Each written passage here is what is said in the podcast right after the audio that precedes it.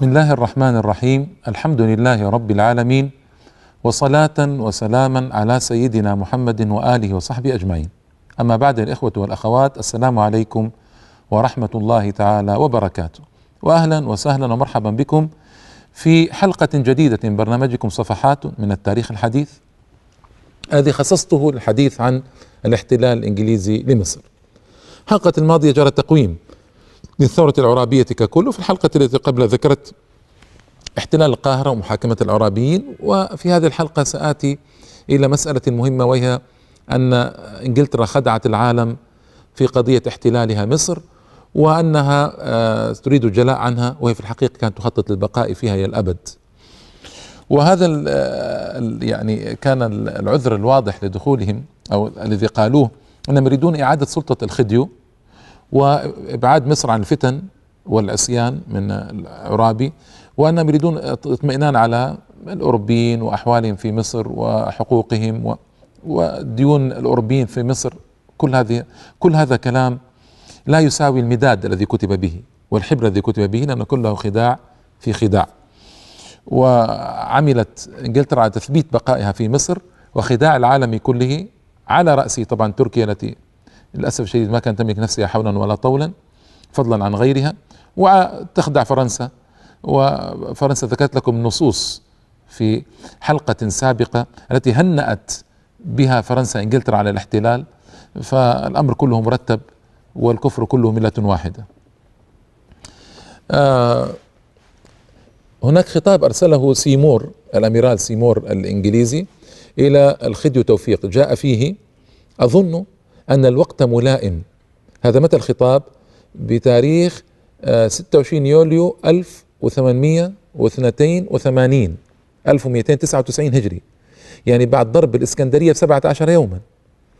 ويقول أظن أن الوقت ملائم لأن أؤكد لسموكم من جديد بصفة أميرال أميرال الأسطول الإنجليزي أن حكومة بريطانيا العظمى ليس لها غرض مطلقا في فتح مصر أو التعرض لدين المصريين وحريتهم بحال بحال ما. بل إن غايتها الوحيدة هي حماية شخصكم. وحمايه الشعب المصري من الثائرين. ومتى كانت بريطانيا تهتم بالشعب المصري أصلا؟ ومتى كانت بريطانيا تعطف على الشعب المصري أصلا؟ وقد اذاقته سوء العذاب في احتلالها له. وفي يوم 25 يوليو يعني بعد ضرب اسكندرية بأسبوعين خطب السير تشارلز آه، ديليك في مجلس العموم فقال إن غرض حكومة جلالة الملكة بعد تخليص مصر من الطغيان العسكري أن تترك الأهالي أحرارا في إدارة شؤونهم. طبعا هذا كذب واضح.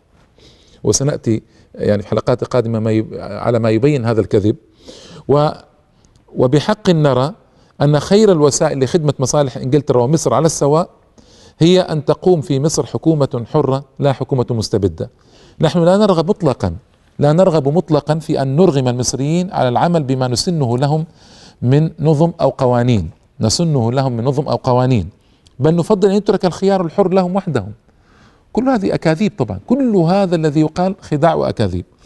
إننا لا نريد فقط أن تظل النظم الموجودة في تلك البلاد محترمة بل الا تقوم المصاعب مطلقا في سبيل ترقيتها آه، ترقية منطويه على الحكمة. فلا نرغب مطلقا في أن نمد يدنا إلى شؤون البلاد الداخلية. وهذا كله كذب فما تركوا شيئا من شؤون البلاد الداخلية إلا تحركوا ودخلوا فيه.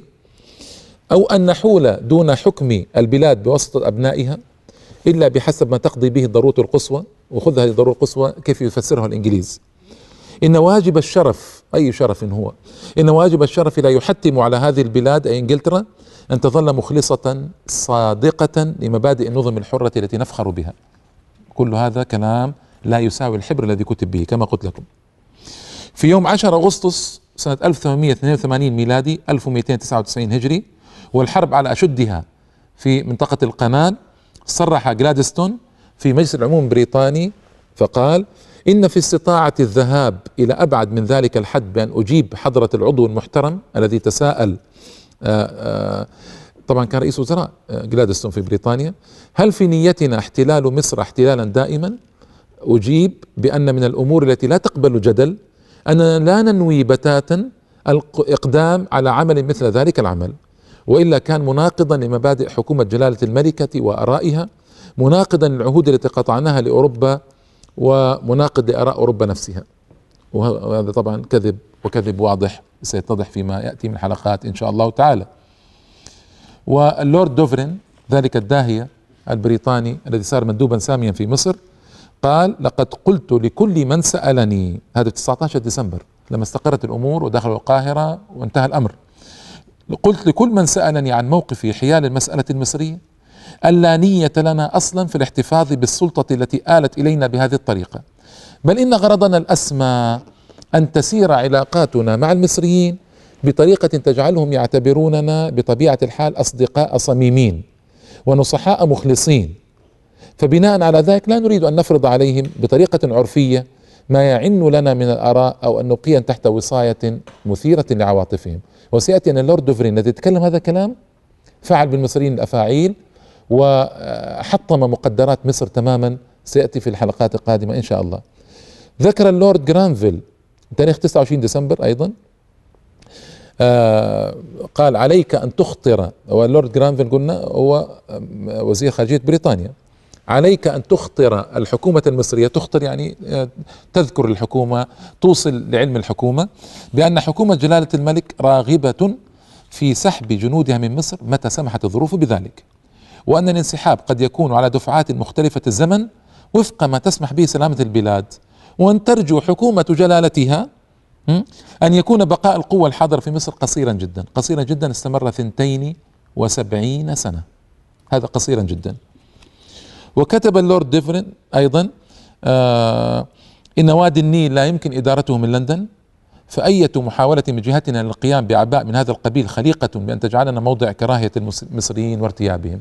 وقد آه، ساسوا وادي النيل من لندن ومن مصر نفسها واللورد دوفرين كان هذا مندوبا ساميا في مصر. أيضا اللورد جرانفيل وزير خارجية بريطانيا قال إن حكومة جلالة الملكة ترغب أن يتم الجلاء في بدء سنة 1888 على شرط أن توافق الدول العظمى وقتئذ آه، على أن على أن لا يخشى بهذا الانسحاب على الأمن والسلام في مصر. إنا لله وإنا إليه راجعون. سنة 1300 هجري 26 فبراير سنة 1885 ميلادي صرح اللورد ديربي في مجلس اللوردات قال لم يبرح أذهاننا من أول الأمر لم يبرح أذهاننا من أول الأمر أن يكون احتلالنا لمصر مؤقتا غير بعيد الأجل. فنحن لا نريد أن يكون الاحتلال دائما. اللورد سالزبوري أنا أتيكم بالأسماء اللوردات حتى يتضح أن الخداع كان عاما والكذب شيمة وطبيعة في آه، الغربيين. رأيناه في كذبهم في الجزائر وفي سوريا وفي لبنان وفي العراق وفي فلسطين وفي مصر. اللورد سالزبوري في مجلس اللوردات البريطاني لا رغبة لنا في إعلان الحماية على مصر لأن حكومة جلالة الملكة طالما تعهدت بأن لا تريد القيام بذلك العمل وأعلنوا الحماية على مصر. يعني بعد ذلك في 1908 الدون الدون ألدون جورست المعتمد البريطاني في مصر قال يقال إن في نية بريطانيا العظمى أن تعلن قريبا حمايتها على مصر أو تضمها نهائيا إلى الإمبراطورية الإنجليزية. فهل يسمح جناب السير جورست أن أسأل عما إذا كانت الإشاعة صحيحة أو كاذبة. محرر صحفي تحدث معه صحفي. فأجاب جورست إن الإشاعة لا أساس لها على الإطلاق ويمكنك تكذيبها بصراحة. ولقد ارتبطت بريطانيا العظمى مع تركيا والدول الأوروبية بعهود ومواثيق رسمية تقضي باحترام سلطة الدولة صاحبة السيادة في مصر. فإنجلترا تحافظ على تلك الوعود التي كررتها عند إبرام الاتفاق الفرنسي الإنجليزي يقصد اتفاق 1904 واتفاق يعني كان ضد المصريين فقد صرحت في تلك الاتفاقية بأن لا تنوي بتاتا تغيير مركز مصر السياسي ولا يرغب الشعب الإنجليزي ولا حكومته في نقض تلك العهود. بعد ست سنوات أعلن الحماية على مصر أعلنت إنجلترا الحماية على مصر. كذب كذب كبير وكبير جدا وقضية تدريب المصريين على إدارة شؤونهم بالضبط كما تقول أمريكا اليوم أن ندرب العراقيين على إدارة شؤونهم أن ندرب الأفغان على إدارة شؤونهم وهم اليوم يناقشون في مزيد آه، إرسال مزيد من الجنود إلى أفغانستان. كذب كذب يكذبون على الشعوب كذبا عجيبا. ليس عندهم شرف الكلمة. ليس عندهم شرف الكلمة بتاتا إطلاقا يعني. اللورد جرانفيل أيضا صرح عقب الاحتلال في يناير 1883 قال إنه إن كانت القوات البريطانية باقية في مصر إلى الآن آه، لصيانة النظام العام فإن حكومة جلالة الملكة تنوي سحبها عندما تسمح حالة البلاد بذلك وتستطيع تثبيت سلطة الخديو. وإلى أن يحين ذلك فإن مركز حكومة جلالة الملكه بإزاء سموه أي الخديو يقضي عليه ببذل نصائح ونصائح لعلمكم كانت مفروضة على الخديو لا يستطيع مخالفتها على رئيس وزرائه. لتتأكد من أن النظام سيكون مرضيا. إننا وضعنا مصر تحت حمايتنا. لم تكن هذه الحماية شرعية ولكنها حماية آه لا بد منها. ولا نريد أن نطلب من الغير أن يعترف بها. هي حماية آه مقنعة غير محدودة السلطة ولا مؤقتة بأجل ما لتحقيق أغراض صعبة وبعيدة المدى. بدأ يتكلم بصراحة قليلا. ومن هذه العهود ومن هذا الكلام كثير وكثير جدا. وتعهدت إنجلترا غير مرة أمام أوروبا وتركيا والشعب المصري بأن تسحب أكثر من مرة تعهدت بأن تسحب جنودها وجيوشها من مصر آه، في أقرب وقت ممكن. وخدعت آه، وماطلت طويلا ولم تسحب واستمرت إلى أن طردت طردا من البلاد بعد ذلك كما هو معلوم في الجلاء سنة آه، 1300 74 هجرية 1954 ميلادية. طيب موقف الدولة العثمانية من هذه القضية. موقف الدولة العثمانية في الحقيقة مهم ومهم جدا أن يظهر فيه الخداع الإنجليزي فقط ولا موقف ضعيف كالعادة لكن مهم حتى نظهر الخداع الإنجليزي وسآتي عليه بعد الفاصل إن شاء الله تعالى يا الإخوة والأخوات.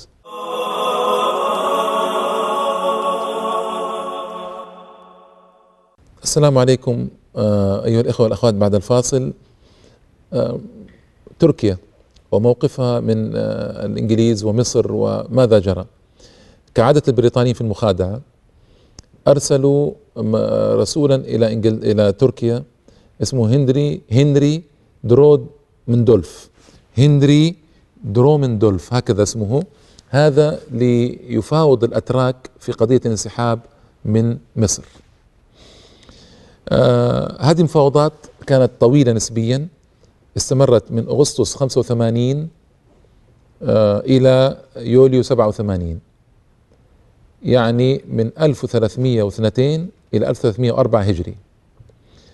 ولم تسفر عن شيء لم تسفر عن شيء. وهم يعلمون أن تركيا أضعف من أن تفاوض بشروط يعني قوية وتفرضها فرضا على بريطانيا. لكن يريدون الرأي العام الأوروبي الذي يهمهم أكثر ما يهمهم ورأي الحكومات الأوروبية يريدون أن يظهروا أمامها بمظهر الشريف بمظهر المنجز لوعده بمنظر المخلص لمصر من الطغيان والاستبداد بمنظر المثبت لسلطة الخديو بمنظر الموفي بوعوده وعهوده وبناء على مفاوضات وأنهم لا يريدون احتلال مصر ولا وهذا كله يعني سيظهر الكذب الشنيع فيه في الحقيقة. آه، وصل إلى إسطنبول حاملا لقب مبعوث فوق العادة هنري هذا درومندولف وقابل السلطان عبد الحميد و تحدث في قضية المفاوضات واختير له شخص من تركيا ليتفاوض معه. آه، وقع هو وزير خارجية تركيا على اتفاقية أولى مبدئية أن ترسل الدولة العثمانية شخصا إلى مصر وأن يكون هذا الشخص يتفق مع الإنجليز في مصر على خطوات الجلاء وطريقة الجلاء ومدة البقاء إلى الجلاء وحال الدولة المصرية أثناء الاحتلال الإنجليزي. آه، وقع الاختيار على الغازي. الغازي هذا لقب تشريفي كان يقال آنذاك الدولة العثمانية. الغازي أحمد مختار باشا. أحمد مختار باشا كان آه، رجلا بطلا آه، صاحب معارك سابقة فاختير من أجل أن يذهب إلى مصر ويتناقش مع الإنجليز. في الحقيقة كان هناك كلام طويل مع أحمد مختار باشا هذا الغازي. كعادة الإنجليز في تطويل الكلام والمواطلات والنقاش الطويل الذي لا يكاد ينتهي.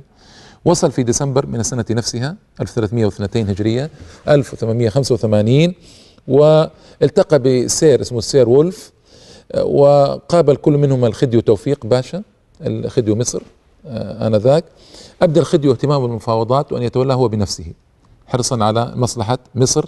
وتباحثوا في قضايا منها إعادة تنظيم الجيش المصري آه، الجيش المرسول إلى السودان يكون من من المصريين ومن المسلمين لأنهم أرسلوا جيشا إنجليزيا وثار سوداني جدا. آه، عدم جلاء مصر من السودان كان مطلبا انجليزيا واضحا قويا نصائح على يعني حتى تعبير لورد جرانفيل نصائح لابد من تنفيذها أن تخلي مصر السودان.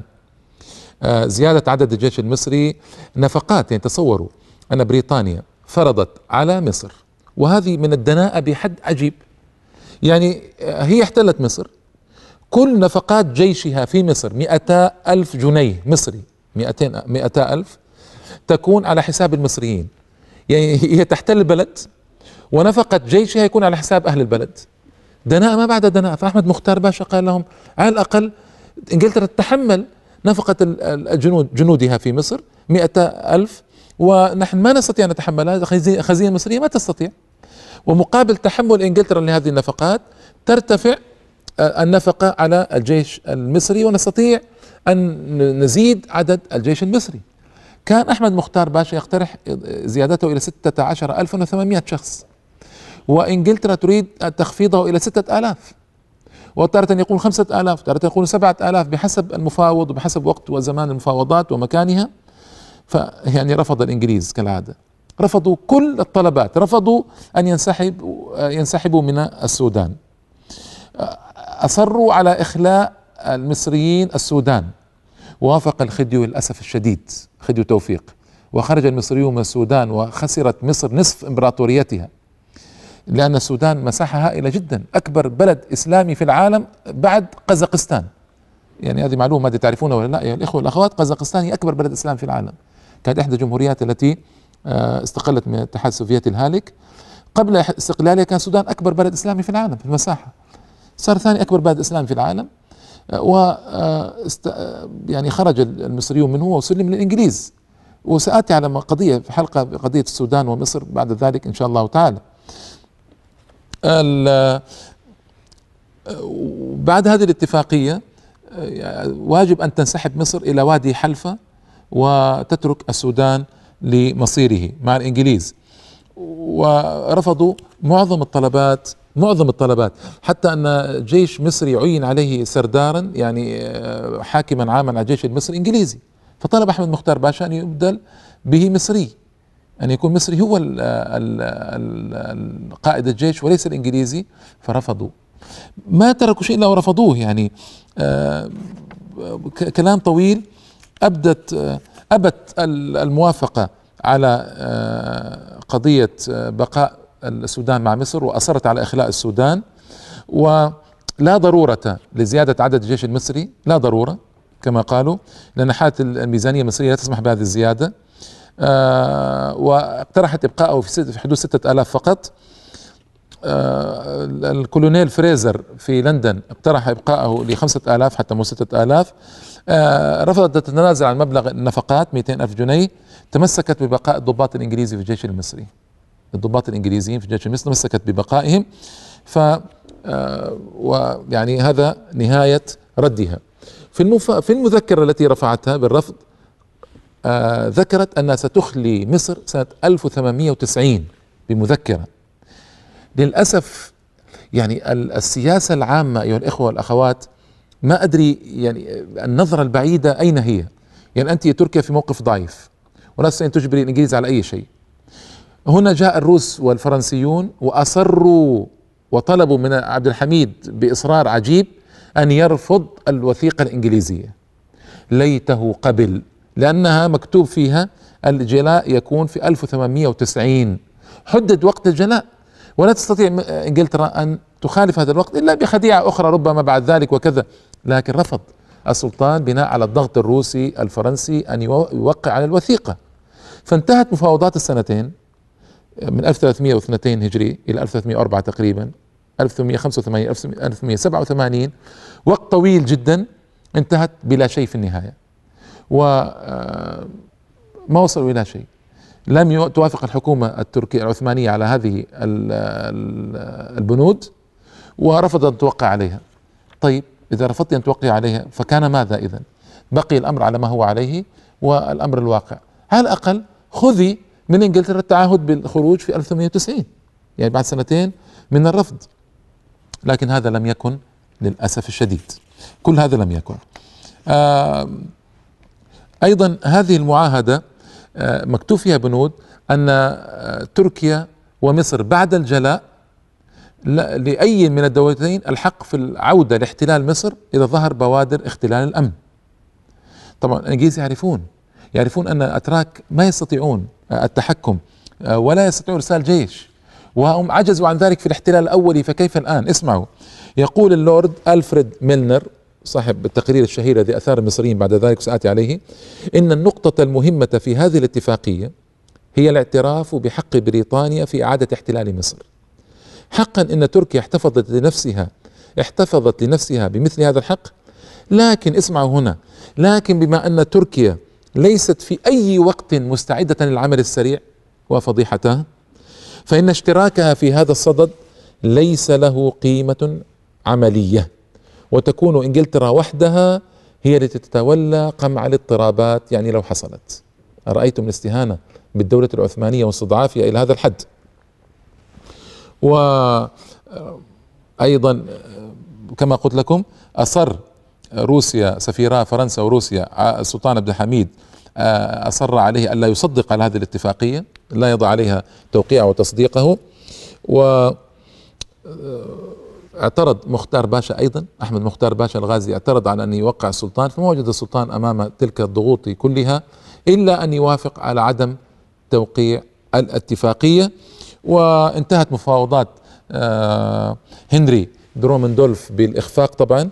وغادر إسطنبول كأنه لم يأتيها كأنه لم يأتيها. أما أحمد مختار باشا تعاطف معه المصريون رأوا فيه على الأقل رجلا آه، يناضل عن آه، استقلالهم وحريتهم يقف وجه الإنجليز يرفض ألاعيب الإنجليز.